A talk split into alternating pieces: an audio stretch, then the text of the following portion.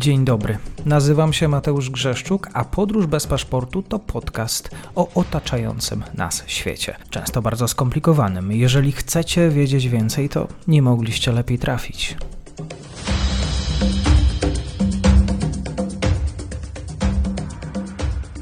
Partnerem odcinka jest Oanda, TMS Brokers, dom maklerski obecny na rynku już od ponad 20 lat. W opisie odcinka znajdziecie link do aplikacji, której możecie otworzyć konto maklerskie i grać na giełdzie, a wcześniej potrenować na koncie demonstracyjnym. Jeżeli otworzycie konto za pośrednictwem tego linku, dostaniecie na start książkę o tematyce inwestycyjnej. Zapraszam, Mateusz. Dzień dobry Państwu, dzień dobry wszystkim słuchaczom. Dzisiaj spojrzenie na Afrykę. Ze mną jest dr Aleksander Olech, ekspert właśnie do spraw tego regionu. Dzień dobry, kłaniam się. Dzień dobry, kłaniam się nisko. Jeżeli ktoś słuchał naszych poprzednich audycji, to wie, że rozmawialiśmy również o Francji. Dzisiaj o Francji na początku. Francja odpływa w jakiś sposób gospodarczo, politycznie, właśnie po Puczak w Nigrze i Gabonie? No, Francja przede wszystkim to koncentruje się na tym, żeby sytuacją wewnętrzną się zająć, dlatego że te ostatnie przypadki, które mieliśmy czy w Gabonie, czy w Nigrze, to raczej były porażki, chociaż premier, prezydent Macron powiedział mm, w ostatnich dniach, że operacja Barkan, czyli właśnie obejmująca region Sahelu, zakończyła się sukcesem i powtórzył kilkukrotnie, że Paryż interweniował za każdym razem na prośbę Mali, Burkina Faso i Nigru i bez niej większość tych krajów zostałaby po prostu przejęta przez terytorialne e, rebelianckie grupy, tak samo i dżihadystów. I tutaj trudno się nie zgodzić z prezydentem, jeśli spojrzy się na e, sytuację w Mali, e, czy właśnie coraz gorszą sytuację Nigru, jeśli chodzi o kwestie czy gospodarcze, czy kwestie współpracy międzynarodowej. I tutaj Francja, cytuję, nie chce być zakładnikiem puczystów, no bo tu puczyści tworzą e, taką sytuację, która powoduje, że jest e, niepokój, jest wojna, jest konflikt i to faktycznie jest ten przypadek Mali, gdzie to się wszystko rozwija w taki sposób, że kraj będzie w całkowitym rozpadzie. Junta wojskowa, która przejęła władzę, po raz kolejny przekłada daty wyborów, daty wyborów i tak naprawdę do tych wyborów nigdy e, nie dojdzie. Stąd też Francuzi muszą się trzymać tego, że to był sukces i nagle Macron podkreśla, że koncentruje się na zadaniu, aby odzyskać kontrolę nad sytuacją we Francji, dlatego że tutaj kluczowe w kontekście migracji, ale też takich inicjatyw międzynarodowych, dlatego że Francja będzie gościła za 10 miesięcy Igrzyska Olimpijskie i Paraolimpijskie, a mieliśmy wiele przykładów, choćby finał Ligi Mistrzów, kiedy Francuzi mieli sytuacje zagrażające bezpieczeństwu i te grupy migrantów po prostu zrobiły tam bałagan dla przybywających. Dwa jest kwestia ustawy migracyjnej, żeby mm, zastosować konkretne działania względem przybywających nielegalnie. W związku z tym Macron w końcu końcu to, o czym mówiłem i tutaj na podcaście, i wcześniej, zajmie się sytuacją wewnętrzną, bo on całe e, swoje lata polityczne, kiedy był prezydentem, budował swoją pozycję na działaniu ponadnarodowym, zewnętrznym. Indo-Pacyfik, flanka wschodnia NATO, Afryka i tam Francja miała być potęgą. A teraz po raz kolejny stracił Niger, stracił Mali, stracił Burkina Faso, więc musi skoncentrować się na sprawach wewnętrznych. No i to będzie jego chyba największe wyzwanie, dlatego że Francuzi wiedzą, że oni potęgą kolonialną byli, wiedzą, że sobie nie poradzili w Sahelu i Macron może mówić, że się udało, ale tak naprawdę się nie udało. W związku z tym Francuzi muszą się zamknąć w swojej bańce i skoncentrować na tych regionach, które pozwolą im działać. W związku z tym wycofanie mm, to też swego rodzaju nowa szansa dla innych regionów i to, co mówiliśmy wcześniej, czyli Indo-Pacyfik. Tam Francuzi zacieśniają cały czas współpracę z kolejnymi krajami, nawet po nieudanym kontrakcie mm, z Australią. To mają swoją Japonię, mają przede wszystkim Nową Kaledonię, gdzie to się wszystko rozwija, mają też e, Polinezję i są przede wszystkim nie nastawieni tak stricte negatywnie do Chin, jak choćby Stany Zjednoczone. Więc Francuzach zapominamy w Sahelu, troszeczkę będą w Czadzie, ale możemy, że tak powiem, zobaczyć, że się przesuną tylko i wyłącznie bardziej do Afryki Zachodniej. Współpraca z Beninem, Togo, na pewno z WKS-em i Senegalem, no ale Francja Sahel oficjalnie opuszcza. Mhm. Jaka sytuacja dzisiaj w Gabonie? W Gabonie sytuacja jest taka, że akceptujemy, co się wydarzyło, czyli idziemy sobie do przodu z tym, że nasze wojska zostają, jesteśmy otwarci na sytuację mm, współpracy z nowym rządem, który przecież ma powiązania z e, byłym prezydentem i nie chcemy zaogniać konfliktu. Co to oznacza? To oznacza to, że jeśli Francja tutaj przeciwstawiłaby się puczystom, to od razu w tym momencie traci kolejny kraj. Nie mogą sobie na to pozwolić, dlatego że to odwrócenie się od Gabonu, gdzie prawdą jest, że prezydent Bongo no, dokonywał defraudacji, sprzeniewierzenia funduszy publicznych, też został tutaj oskarżony o bycie w zorganizowanym gangu, fałszerstwo. E, to wszystko e, są to informacje, które Francuzi otrzymali, dostrzegają i wiedzą, że to wpływa negatywnie na jakąkolwiek współpracę e, z byłym prezydentem. Dlatego teraz, żeby utrzymać swoje wojska i pozostać w regionie, oni muszą, muszą pozostać i zaakceptować, co się dzieje, to, co się wydarzyło. W związku z tym e, ani prezydent Macron nie chce się odwoływać e, do tego, ani nie chce, że tak powiem, nazywać po imieniu, mm, że to był pucz. To, tak jak nazwał to Macron, to jest e, transformacja władzy, a Gabończycy, w zasadzie generał Ngumema, który przejął władzę, mówi to wolnościowy zamach stanu. I jest to transformacja, której dokonano bez rozlewu krwi, i która oszczędziła kłopotów, smutków i żalu mieszkańcom e, Gabonu. W związku z tym Francuzi zaakceptowali, że doszło do zmiany, ale chcą z nimi współpracować tutaj e, rządzący Gabonem junta wojskowa, więc dla Francuzów jest to zupełnie sytuacja odmienna. Tu jest chęć współpracy, Francuzi wliczają te pucze e, jako część rozgrywek w Afryce, które po prostu nazwijmy rzeczy po imieniu regularnie się powtarzają. Generał Gema już odwołał i mianował i Trybunał Konstytucyjny, i Zgromadzenie Narodowe i cały rząd, więc sytuacja jest dla Francuzów stała. Gabon ma być punktem, z którego obserwują Afrykę Środkową, głównie, żeby mieć spojrzenie choćby na Republikę Środkowoafrykańską, Angolę i przesuwać się w głąb kontynentu. Mhm, również trudna sytuacja w Nigrze. Rozmawiałem poprzednio z Konradem Gaderą. Krótki komentarz właśnie odnośnie tego, że y, Francja ma się y, wynosić z Nigru raczej wojskowi. Wcześniej jeszcze zamknięta przestrzeń powietrzna. Y, no, Niger chyba już wydaje się stracony, tak? No, Niger wydaje się oddany całkowicie. Jednocześnie Macron powiedział, że nie zaakceptował nowego rządu.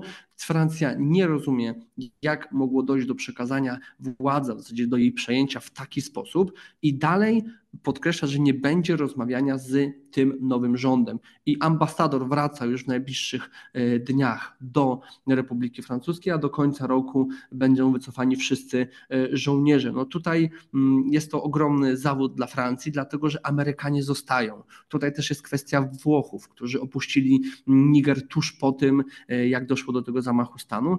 Francuzi muszą też wiedzieć, że tracą inne też elementy, choćby takich miękkich wpływów. Tutaj mówię o choćby gazetach, że Freak zostało całkowicie e, wczoraj wypchnięte, zamknięte z, włącznie z dziennikarzami z kraju. Wcześniej inne media zostały zablokowane. W związku z tym Francuzom nie pozostało tak naprawdę e, w Nigrze już nic. No jest to taki moment, który też pokazuje, że nawet jeśli jest e, sytuacja dobra, utrzymujemy długą letnią współpracę i tak to nie oznacza, że nie dojdzie do zamachu stanu i tak to nie oznacza, że mamy e, na wiele lat utrzymaną kooperację z danym rządem, dlatego że hunty mogą być na tyle silne, konflikty wewnętrzne są na tyle silne, że jeśli Francja chce się w danym kraju utrzymać, to trzeba powiedzieć dobitnie, musi ingerować w sprawy wewnętrzne. Mhm. Jeśli to są, nie są to rządy demokratyczne w pełni, tylko są rządy autorytarne, jak to było w Nigrze, wtedy jeśli Francja nie ingeruje wewnętrznie, a Macron nie chciał ingerować, bo to znowu byłoby, że jest postkolonializm, no to junta się pojawiła.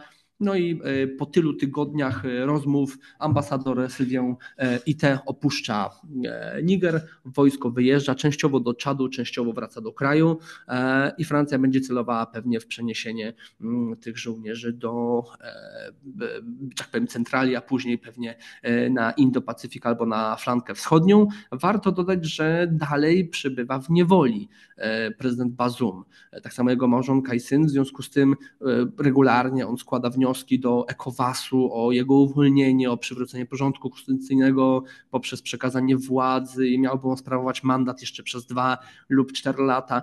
Nie, to się nic nie, nie zmieni, ECOWAS nie zareaguje i możemy potępiać e, rząd nowy w Nigrze, e, ale to jest moment, w którym Niger, jeśli nie zostanie zniszczony sankcjami, Mam na myśli ta, ta, ta, ta junta nie zostanie zniszczona i Niger nie zostanie przy, przy, przy, do ściany mm, tutaj e, popchnięty, to nic się nie zmieni. Nie wydaje mi się, żeby do tej zmiany władzy doszło. Nastąpi współpraca z Algierią, z tą juntą z Mali, Burkina Faso, Gwinei mm, i Niger poradzi sobie, a ta junta się umocni. Trudna sytuacja będzie wewnętrzna, ale mm, politycznie junta tak naprawdę wygrała.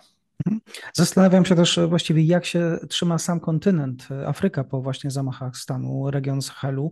Mieliśmy też e, oczywiście sesję, e, zgromadzenie, e, zgromadzenie ogólne ONZ, Nowy Jork, 18-22 września, sesja. Czy tam pojawiły się jakieś wnioski dla Afryki, czy, czy konkluzje ze strony krajów afrykańskich?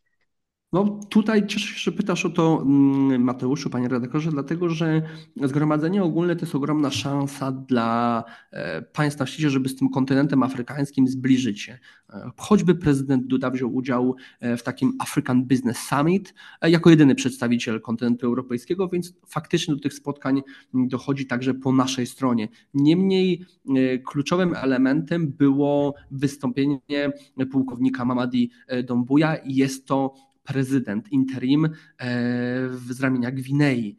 I Gwinea, która również jest tym takim krajem przejętym przez huntę i doszła, dołączyła do tego Sahel, e, porozumienia Sahel na rzecz bezpieczeństwa, czyli Mali, Burkina Faso i Gwinea, no, wybija się jako taki e, model hunty, który chce ponadnarodowo podkreślać, że to jest walka z modelem narzuconym przez Zachód. No i on w swoim wystąpieniu podkreślił, że Afryka cierpi z powodu modelu rządzenia, który im narzucono, że on jest tylko i wyłącznie dobry i skuteczny dla Zachodu. I to jest ciekawa idea, ponieważ faktycznie to jest zaprojektowana idea dla historii krajów Zachodu, gdzie są powiedzmy rządy demokratyczne, e, państwa, które dążą do pewnej równości, a tutaj mamy dostosowywanie się do rzeczywistości afrykańskiej, no, w której ten system praktycznie się nie sprawdza. Możemy dawać przykłady czy Gany, czy Senegalu, ale nie są to kraje idealne. I sam ten e, prezydent e, Gwinei podkreślił, że nie są, sam wymienił, że nie są antyamerykańscy, że nie są prochińscy, nie są pro ani antyfrancuscy, nie są prorosyjscy, wskazał, że są proafrykańscy. No tutaj zabrakło e, idei, że bez pomocy krajów Zachodu, no tak faktycznie ta Afryka nie byłaby w stanie funkcjonować. Oczywiście to są inwestycje w Afrykę i korzyści. Dodatkowo pamiętajmy, to nie jest tylko inwestycja, korzyść, dwie strony, dwie strony zyskują. Przede wszystkim Afryka to jest teren rywalizacji, zaangażowania, rynek zbytu. I też także e, pewne źródło e, dochodu, czy też działania na rzecz kooperacji. To oznacza, że jeśli jesteśmy tam nieobecni, to znaczy, że nie bierzemy udziału w międzynarodowej rywalizacji. Każde państwo dąży do tego, żeby się rozwijać, być częścią tego międzynarodowego e, rządu, który walczy o swoje wpływy i też utrzymuje e, swego rodzaju panowanie nad mm, sytuacją bezpieczeństwa. No w tym przypadku Polska do takiego wyścigu dołącza jako członek Unii Europejskiej czy NATO. I tutaj też pamiętajmy, że e, Afryka to jest populacja licząca ponad no, grubo miliard osób, a tam ponad 70% ludzi to są ludzie młodzi czyli ci, którzy to, co widzimy na Lampedusie, to, co widzieliśmy wcześniej w Grecji, to, co widzieliśmy wcześniej przez szlak bałkański, będą przybywali do Europy. W związku z tym prezydent Gwinei ma rację do społeczności, apelując do społeczności międzynarodowej, że tu trzeba spojrzeć świeżym okiem. A to świeże oko jest takie, że akceptujemy pewne działania, które zachodzą na kontynencie afrykańskim, jednocześnie wchodzimy głęboko we współpracę gospodarczą, bo politycznie to jest jeden, jeden element, ale jak spojrzymy na produkty w Angolii, w większości produkty tam są portugalskie. Spojrzymy na Senegal, produkty francuskie. Musimy widzieć, jak to się zmienia. Spojrzymy na Etiopię, inwestycje chińskie. Więc my tam jesteśmy i kolejne nasze działania muszą polegać na tym, że zatrzymujemy cały kapitał, który jest w Afryce, a który chce z niej wyjść. Ten negatywny kapitał w postaci całej migrującej ludności, zatrzymujemy go tam. Ale tu nam właśnie przeszkadzają te zamachy stanu, wojny domowe. W związku z tym wypchnięcie Francji automatycznie oznacza, że Stany Zjednoczone będą gwarantem bezpieczeństwa choćby w Nigrze. No i dalej rozpoczyna się kolejna rywalizacja, czy zdecydujemy się na to, żeby Unia Europejska podjęła kolejną misję stabilizacyjną w Sahelu, czy po prostu damy Sahel, Sahelowi jakiś kryzys, który jest prawdopodobnie najpoważniejszym kryzysem e, w historii, dlatego że ECOWAS sobie z nim nie poradził i w tym momencie pomieszała się gospodarka z polityką, czyli jeśli nie ma politycznej współpracy, wycofujemy e, cały kapitał. Mm, dlatego ja bym sugerował, żeby patrzeć na Afrykę od Magrebu do Afryki subsaharyjskiej i powoli kolejne kryzysy zażegnywać tam, ale nie decydować na to, że się wycofujemy z Afryki, bo jak my się wycofamy, to tam nic nie będzie i ta migracja i sytuacja tak czy inaczej się pogorszy. Akceptujemy afrykańskie problemy, afrykańskie rozwiązania i faktycznie stopniowo próbujemy współpracować z tymi, którzy są na nas otwarci. Wiem, że łatwiej powiedzieć niż zrobić. Niemniej y, kolejne kraje będą otwierały ambasady w krajach afrykańskich, będą wysyłały swoje misje gospodarcze. Będzie to robiła Polska, będzie to robiła Ukraina, będą to robiły Czechy. W związku z tym to nie jest tak, że Francuzi wyszli. Nie, ktoś wypełni y, po nich tę lukę i albo będą to kraje Zachodu określane jako sprzymierzone, albo będzie to Federacja Rosyjska, Chiny lub Indie. Drodzy Państwo, wie, wiedzą e, słuchacze podcastu, że o Afryce e, lubimy mówić, więc ta obecność również, e, ich obecność Polski w jakikolwiek zakresie, czy to spotkania, czy nawiązywania kontaktów dwustronnych bardzo cieszy. Doktor Aleksander Olech, bardzo dziękuję za komentarz.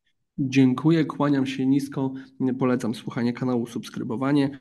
Mm, dodam tylko, że wiedza raczej bardziej z pasji e, ekspertów na kanale do spraw Afryki myślę, że jest wielu. Ja bardziej staram się spojrzeć na to, jak Francja i Rosja walczą.